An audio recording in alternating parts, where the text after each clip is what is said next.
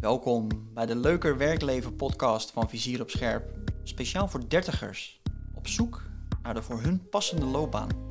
In deze podcast delen wij kennis, ervaringen en praktische tips om juist die baan te vinden die echt bij je past. Vizier op Scherp is een bureau die jou begeleidt naar jouw ideale werkleven. Mijn naam is Twan, loopbaancoach bij Vizier op Scherp. Yes, en welkom bij aflevering 11. We gaan het vandaag hebben over hoe je met waarneming je wereld verandert en hoe vaak de uitkomst van een coachtraject anders is dan je vooraf bedacht had. Dat klopt. Yes. Hey, welkom Maaike. Dankjewel, dankjewel. Maaike is loopbaancoach natuurlijk bij Vizier op Scherp. Als je de vorige aflevering met haar hebt gehoord, heb je haar persoonlijk verhaal een beetje meegekregen. Um, vandaag willen we het hebben over een praktijkvoorbeeld wat je, wat je tegen bent gekomen. Kun je daar wat meer over vertellen? Ja, zeker. Er kwam een uh, dame bij mij en die zei: Ik moet een andere baan, ik moet een ander huis, ik moet een ander uh, vriend, ik moet uh, alles anders. Ze, ze, was niet ja. helemaal happy, geloof ik. Ze was niet helemaal happy. Ze was niet helemaal happy. En uh, nou ja, goed, ja, dan klop je aan bij een loopbaancoachbedrijf. En uh, nou ja, toen hebben we kennis gemaakt in, uh, in een bos. Zijn we lekker gaan wandelen met z'n tweeën. En ik heb haar, uh, haar verhaal een beetje laten doen. En nou ja, wat ik merkte was, aan de voorkant was echt wel de verwachting van... nou, ik, ik wil ander werk en daar gaan we samen naar op zoek. En dat was eigenlijk ook het startpunt. En, van het coachtraject. Kun je ook een beetje toelichten waar die tevredenheid een beetje vandaan kwam? Want ik heb het idee van, nou, je hele wereld moet wel op zijn kop staan. Wil je eigenlijk alles, je werk, je huis, je man, alles de deur uitgooien, zou ik maar zeggen. Nou ja, dat was dus ook precies de vraag van, wat, wat, wat zit daar nou? Ja. Wat is dat nou? En um, kijk, um, Einstein heeft volgens mij ooit eens gezegd van, je kunt een probleem niet oplossen op het niveau waar dat probleem is ontstaan. Um, en als je het dan hebt over waarneming, dan uh, zou je zeg maar in, de, nou ja, in het niveau waar zij de problemen ervaart kunnen zeggen: Oké, okay, nou dan stappen we over naar een andere baan. Uh, en dan uh, ben je in een andere context. maar dan vergeet je dat je altijd jezelf toch weer meeneemt. Ja. en dan lijkt het aan de voorkant een oplossing, maar heel vaak zit het op een heel ander level dan, dan je bedenkt het is nodig dat ik een nieuwe baan uh, vind. Um, maar in dit geval bleek dat toch een klein beetje anders. Uh, en dat was super leuk. Uh, we zijn gewoon gestart en ik heb haar vooral de verhaal laten doen. En uh, ja, nou, ik loop zo hard en ik vind het allemaal niet meer leuk. Ik haal er geen plezier meer uit. Ik ja, heb het ook wel gezien. En uh, ja, ja, ja, een beetje. Ja, ook wel een beetje moe was ze. En, en um, nou, ik dacht van, nou, we moeten maar eens kijken waar dit, uh, waar dit heen gaat. En um, ik zal even korte toelichting geven over die waarnemingsniveaus. Ik ben nogal van shamanisme. Mm-hmm. En uh, de shamanen gebruiken eigenlijk uh, altijd krachtdieren om om die waarnemingsniveaus uh, aan te geven. Uh, ze gebruiken het niveau van de slang, het niveau van de jaguar, het niveau van de kolibrie en het niveau van de adelaar. Um, in het niveau van de slang hebben we het eigenlijk over de hele concrete waarneming van de wereld. Dus we zien het zoals het zich voordoet. Mm-hmm. We zien een brood liggen op het aanrecht en we nemen het brood waar. Maar daarbij denken we nog niet aan het tarwe waaruit het brood is uh, uh, gemaakt, de bakker die daaraan heeft bijgedragen enzovoort. Het is een hele letterlijke waarneming van wat er is. Als je waarnemingsniveau naar, uh, omhoog gaat, dan ga je het meer hebben over het niveau van de emoties, van de gedachten, van de ideeën. Zij noemen dan dat de jaguar. Ik kan het ook zeggen, het niveau van psychologie, de geest.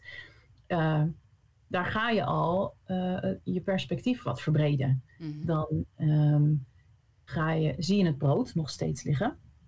Uh, maar dan ben je je bewust van, hé, hey, dit is gemaakt van tarwe, wat op het land is gegroeid, waar een boer aan heeft bijgedragen, waar een bakker uiteindelijk heeft staan kneden, uh, enzovoorts, enzovoorts. Um, uh, dan gaan de shamanen nog een niveau hoger. En dan hebben ze het over het niveau van de mythe. En dat is het niveau van de ziel. En dan hebben zij het dus over de kolibrie. Uh, en daar ga je dan zien van... Um, het is allemaal uh, niet zomaar wat gebeurt. Het een heeft te maken met het ander. En als je vanuit dat waarnemingsniveau gaat kijken naar een probleem wat zich voordoet op het niveau van de slang, om het maar even te zeggen, mm-hmm. um, dan ga je de dingen opeens heel anders zien. Dan denk je, oh, oh, een nieuwe baan, maar wacht eens even, ik ben daar bezig met een probleem. wat misschien een hele andere grondslag heeft op een niveau hoger, of misschien wel nou ja, nog een, een, waarnemingsniveau hoger. Ja.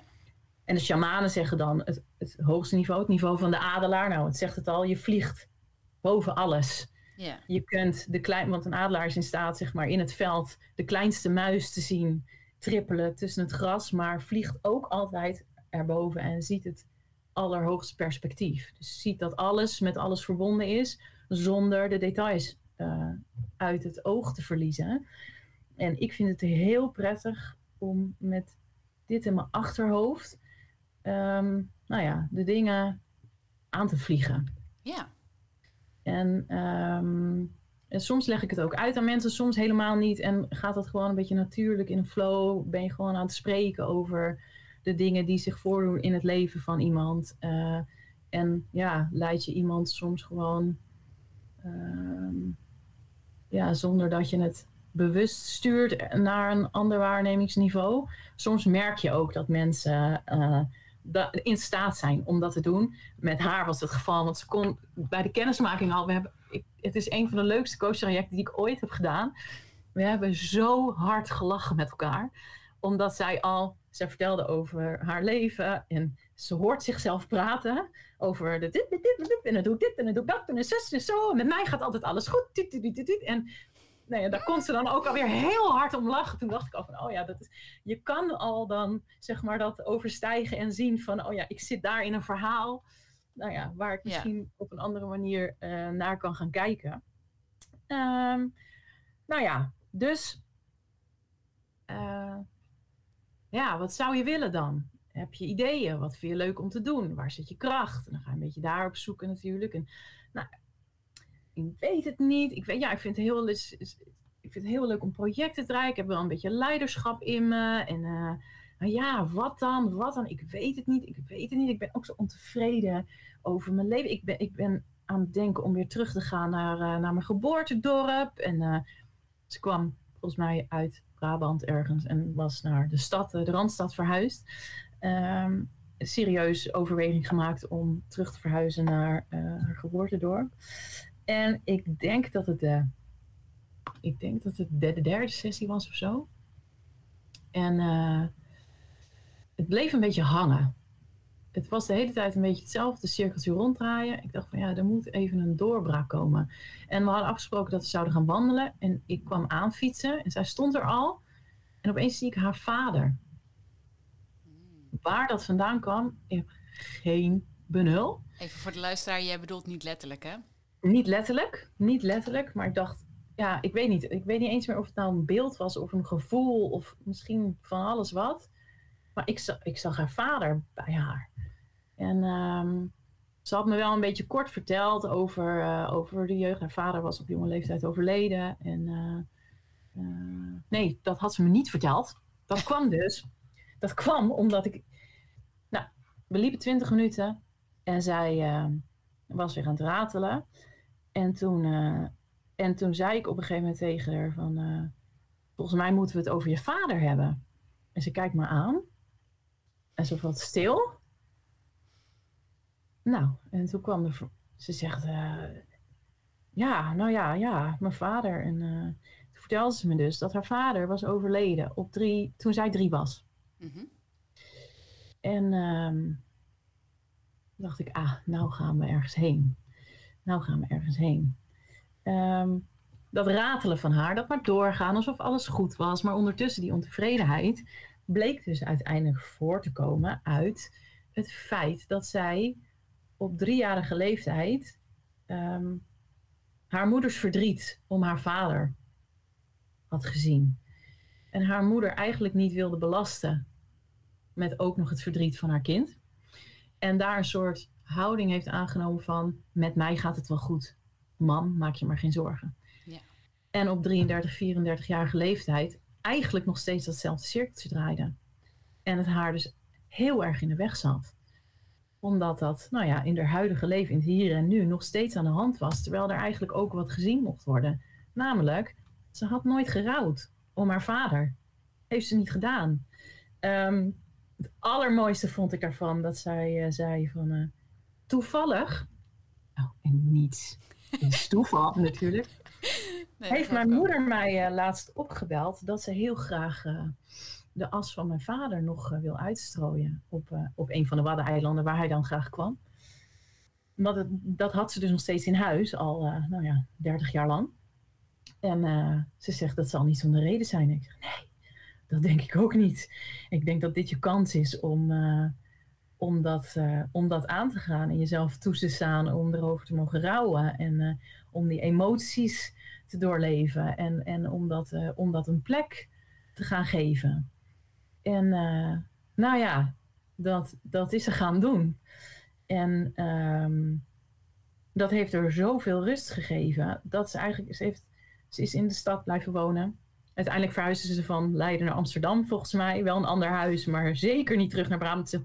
Maaike, wat bezielde me dat ik die kant weer terug Ja, nou, uh, dit dus. en uh, ze is niet veranderd van baan. Want de onrust die ze voelde had dus eigenlijk niets te maken met haar werk en wat ze deed, maar meer met haar patroon waarin ze vast zat van ik ga maar door en ik sta mezelf niet toe om te laten zien dat het soms ook even minder gaat. Dat ik ook uh, last heb van de dingen. En nou ja, we gingen dus eigenlijk van het niveau van het lichaam naar het niveau van de geest. Waar ze de emoties en, en, het, en uh, uh, het gevoel mocht laten zijn. En om zeg maar de les te leren van hé, hey, ik mag ruimte voor mezelf innemen. Het mag er allemaal zijn.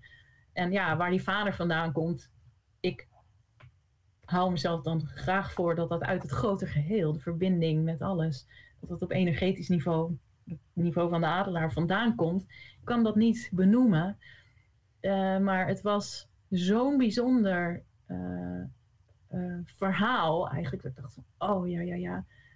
En toen zegt ze, ze zei toen van ja, ja, dan kom ik bij jou met een, loopbaan, uh, met een loopbaanvraag. En dan zit ik opeens midden in een rouwproces. Zei ze tegen me. we hebben zo hard gelachen. En het, ja, ze heeft dat ook wel met beide handen aangegeven. Dat, en dat vond ik ook schitterend. Ja. Dus volgens mij zei ik dat in de, in de vorige aflevering ook. Van het enige wat ik vraag van degene met wie ik aan het werk ben, is bereidheid. Mm. Nou, die was bij haar in, uh, in volle glorie aanwezig. En uh, ik zit me nu opeens af te vragen of ik haar ooit heb verteld dat ik haar vader zag. Tussen aan. Ik ah. weet het niet meer. Ik heb er wel gezegd van volgens mij moeten we het over je vader hebben. Kun je me daar wat meer over vertellen? Maar ik weet niet of ik haar ooit heb verteld uh, dat ik dat al eerder zag dan het moment waarop we dat uh, ter sprake brachten, zeg maar. Ja. Is dat ehm, iets wat vaker bij jou gebeurt? Dat je bepaalde visioenen krijgt of dingen ziet of dingen aanvoelt? Ja, ja ja. En ik, ik, ja, dat gebeurt vaker, ja. Ja. Dat is een beetje jouw superpower. ja, en soms twijfel ik heel erg om het bespreekbaar te maken, maar het, laat, het blijft bij me totdat ik. Um, het blijft hangen totdat ik het benoem. Dus het, het is alsof nou ja, het universum dan zegt van daar mag je wat mee, daar mag je wat mee, daar mag je. En soms wil ik ook dan wegwijven. Ga weg! wil het niet. het laat me gewoon niet los. En dan moet ik het op een gegeven moment opengooien. En dat vind ik soms, als ik dan in een verhaal zit, denk ik: oh, wat ga ik doen? Wat gooi ik nu weer open? Maar uiteindelijk. Is dat de boodschap die ze moesten krijgen? Exact. En ook voor mij weer een leermoment van anticipeer daar nou maar op. Hmm. Vertrouw dat, vertrouw dat intuïtieve. Ja. Want het, het, het, uh, het gaat het brengt altijd iets. En soms wordt het even moeilijk. Ehm, of zwaar, of verdrietig, of emotioneel, whatever. Maar op de een of andere manier, het is nog nooit gebeurd dat dat een verkeerde, verkeerde wending heeft gehad. Het is, het is altijd in de richting gegaan waarop dat moest, um, gaan.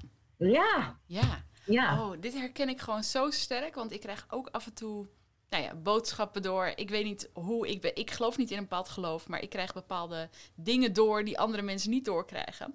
En soms dan denk ik wel eens van, oh, dit is zo'n rotboodschap. Dit wil ik helemaal niet zeggen. Ja. En, Ja. en ik heb inmiddels geleerd erop te vertrouwen. En dan is dat wat diegene nodig heeft op dat moment. Ja. En, en dat hoeft niet te zeggen dat je de toekomst voorspelt, maar wel dat het iets in werking zet voor degene die de boodschap krijgt, wat even nodig is. Ja. Ja, en je Ja, weet, je, en, en in die zin kun je dus nooit voorspellen waar het op uitkomt. Nee. Je, je denkt, ik kom met een loopbaanvraag, ik ga op zoek naar een andere baan en je rouwt om je vader. Dat is dan de uitkomst. ja. het, je kan het niet bedenken en dat vind ik zo mooi aan ja, de openheid waarmee je zo'n coachtraject in kan gaan aan beide kanten. Zowel voor, voor mij als coach als degene die het traject aangaat. Dat je nou ja, open staat voor alles wat, eh, wat zich mag voordoen. En ehm, Ja. ja, schitterende dingen. Ja. ja, ik vind het mooi dat je dit zo aangeeft. Want ik denk dat veel mensen nog wel bepaalde vooroordelen hebben over wat een loopbaancoach doet. Dat die, eh, weet ik veel, een of ander testje laat doen met wat je interesses zijn. En dat er iets uitkomt. En dat jullie samen een plannetje uitstippelen van nou, dan moet je die opleiding doen en dan kom je daar. Weet je, ik denk dat veel Dat mensen eh, dat in hun hoofd hebben voordat ze bij een loopbaancoach eh aankloppen. en, en ik merk dat iedereen die ik van vizier op ster- scherp spreek, dat het gewoon zoveel dieper gaat. Dat het echt gaat om de persoon achter de vraag, zou maar zeggen. En, de groei van die persoon. Ja, Dus, ik, ja. Ik denk ook dat je op zo'n manier het coachingstraject eh, het meest effectief maakt. Hmm. Eh, en ehm, natuurlijk kan je ook op het level van eh, de beroepskeuzetesten, de kernwaardes. Ik bedoel, het is allemaal belangrijk. Alleen, ehm, nou ja, wat je kan tegenhouden om een stap te nemen. Of wat je dreigt te dwingen een stap te nemen, terwijl die stap misschien niet nodig is, is vaak op, dus op een heel ander level aanwezig. En als je nou ja, daar bereid bent dat, dat te onderzoeken, dan ja, kom je op zoveel mooie dingen uit. En, en het gebeurt ook zeker dat mensen wel een, eh, een loopbaanstap nemen naar een andere organisatie of voor zichzelf Tuurlijk. beginnen. Of, ja. bedoel, dat gebeurt ook nog steeds, maar ja, dat onderzoek wat je mag doen met elkaar zit vaak nou ja, op allemaal van die verschillende waarnemingsniveaus. ja. En, en bewustzijnsniveaus, als je dat zo, eh, zo wil zeggen. Dus ja, ik, eh, ja, en het geeft ook op een bepaalde manier, als je leert kijken vanuit die verschillende perspectieven, geeft het je leven een, een andere lading. Je doet nog steeds hetzelfde, maar de, de kracht of de, ja, de heiligheid waarmee je het doet, eh, is dan een hele andere. Je, je legt er zelf een bepaalde manier van eh, zingeving op. Mhm. Als jij met een andere blik naar je, eh, naar je leven kijkt. Ik moet nu opeens denken aan een verhaal wat ik ooit ergens las in een boek. Eh, een reiziger was onderweg en hij kwam twee steenhouwers tegen. En hij vroeg aan de eerste steenhouwer, wat ben je aan het doen? En die steenhouwer zei, ik maak deze steen vierkant. Hij vroeg aan de steenhouwer die naast hem aan het werk was, wat ben je aan het doen? Die zei, ik bouw een kathedraal. Dat is volgens mij het, ja, het verschil in waarneming. Dat je ziet dat je bijdraagt aan een veel groter geheel dan alleen jouw eigen perspectief. Terwijl je in essentie de steen vierkant maakt, maar bijdraagt aan iets veel groters dan dat. Bijdraagt aan de kathedraal. ja. En dat, ja, dat geeft volgens mij, en dan spreek ik uit eigen ervaring, zoveel meer vervulling eh, eh, in het leven. Eh, en ik hoop ook dat mensen dat, dat zelf gaan ervaren. En nogmaals, dat is ieder zijn eigen keuze natuurlijk. En ik bedoel, iedereen leert zijn lessen ook op de tijd waarop dat zich aandient. Mhm. En ook ik heb herhaaldelijk mijn hoofd gestoten en stoot mijn kop nog regelmatig. En ik ook in- hoor. super vaste verhalen. En, maar ja, we zijn hier volgens mij in het leven om bewust te worden. En ehm, ja, als je durft te zien, elke context waar je binnenstapt, als hé, hey, wat heb ik hier te leren? Wat mag ik hier zien? Dan wordt het hele leven heel ja, speels en onderzoekend. En kijk je naar op een andere manier. En dat is gewoon, uh, ja, het verbreedt je perspectief. Ja. ja en het kan je vizier ook weer op scherp stellen. Ja, absoluut. Uiteindelijk. Absoluut. Ja, maar ik, ik vind het echt heel leuk dat je, dat je dit voorbeeld erbij nam. Want dit sluit ook super mooi aan op uh, de vorige aflevering, aflevering 9, waarin ik het met Twan heb over de neurologische niveaus. Ja. En hij die in een oefening ook helemaal doorloopt naar boven en weer naar beneden. Dus ja, als je je ook in dit voorbeeld herkent als luisteraar, kun je ook even die podcast erbij pakken en die oefening doen. En volgens mij pakte hij de, dezelfde, hetzelfde voorbeeld erbij van die twee beeldhouders. Van die oh, twee. Ja, ja. Dit was niet afgesproken. Nee, het is niet afgesproken. Maar op een gegeven moment herken ik, denk, hé, hey, zei Twan dat niet vorige keer ook? Nou, zo zie je maar, we zitten allemaal redelijk op één lijn. Zo aligned, zo aligned. Nee, maar super mooi. En ik vond ook heel mooi op een gegeven moment aan het begin van de podcast zei je van ja, je neemt jezelf altijd mee. En ik denk dat dat echt zo'n ehm, belangrijk statement is. Met wat er ook voor issues in je leven zijn. Um, de ander kan je niet veranderen, jezelf wel. En je neemt jezelf overal mee naartoe. Dus als je overal een bepaald probleem tegenkomt, de enige uh, com, constante factor. Constante factor, dat ben jij. Dus, dus het is zo goed om, om, om te kijken van... hé, hey, wat gebeurt er bij mij? En je hoeft niet gelijk schuld bij jezelf nu te leggen... maar je kan wel zelfonderzoek doen. En die neurologische niveaus daarin zijn echt super handig. Ja. Ja. ja, en ik bedoel, dat is in coachingswereld. Iedereen geeft zijn eigen termen eraan. Ik vind dat dan prachtig om dat nou ja, in de lijn van de shamanen te doen. Maar neurologische niveaus zijn net zo. Bewustzijnsniveaus, noem het maar op. Er is ja, van alles. precies. Het, gaat er gewoon om dat je vanuit een hoger of ander perspectief even naar dezelfde situatie kijkt. Ja, ja en dan heb je opeens hele andere oplossingen voor een ogenschijnlijk probleem. Ja, ja. ja. Supermooi. Hey, ik wil je heel erg bedanken, Maaike, voor dit nou, uh, gesprek. Jij ook. Bedankt voor de kans. Ja. Bedankt voor het luisteren naar de Leuker Werkleven podcast. Nu je deze aflevering helemaal hebt geluisterd, zat er waarschijnlijk iets in wat jou inspireerde. Like daarom de podcast en abonneer je voor nog meer loopbaaninspiratie. Wil je meer? Ga dan naar vizieropscherp.nl of stuur een e-mailtje naar hallo@vizieropscherp.nl. Je kunt ons ook vinden op social media onder de handle Vizier op Scherp. Op onze website vind je gratis inspiratie die jou weg kan helpen naar jouw ideale werkleven. Vraag het nu aan en zet je volgende stap.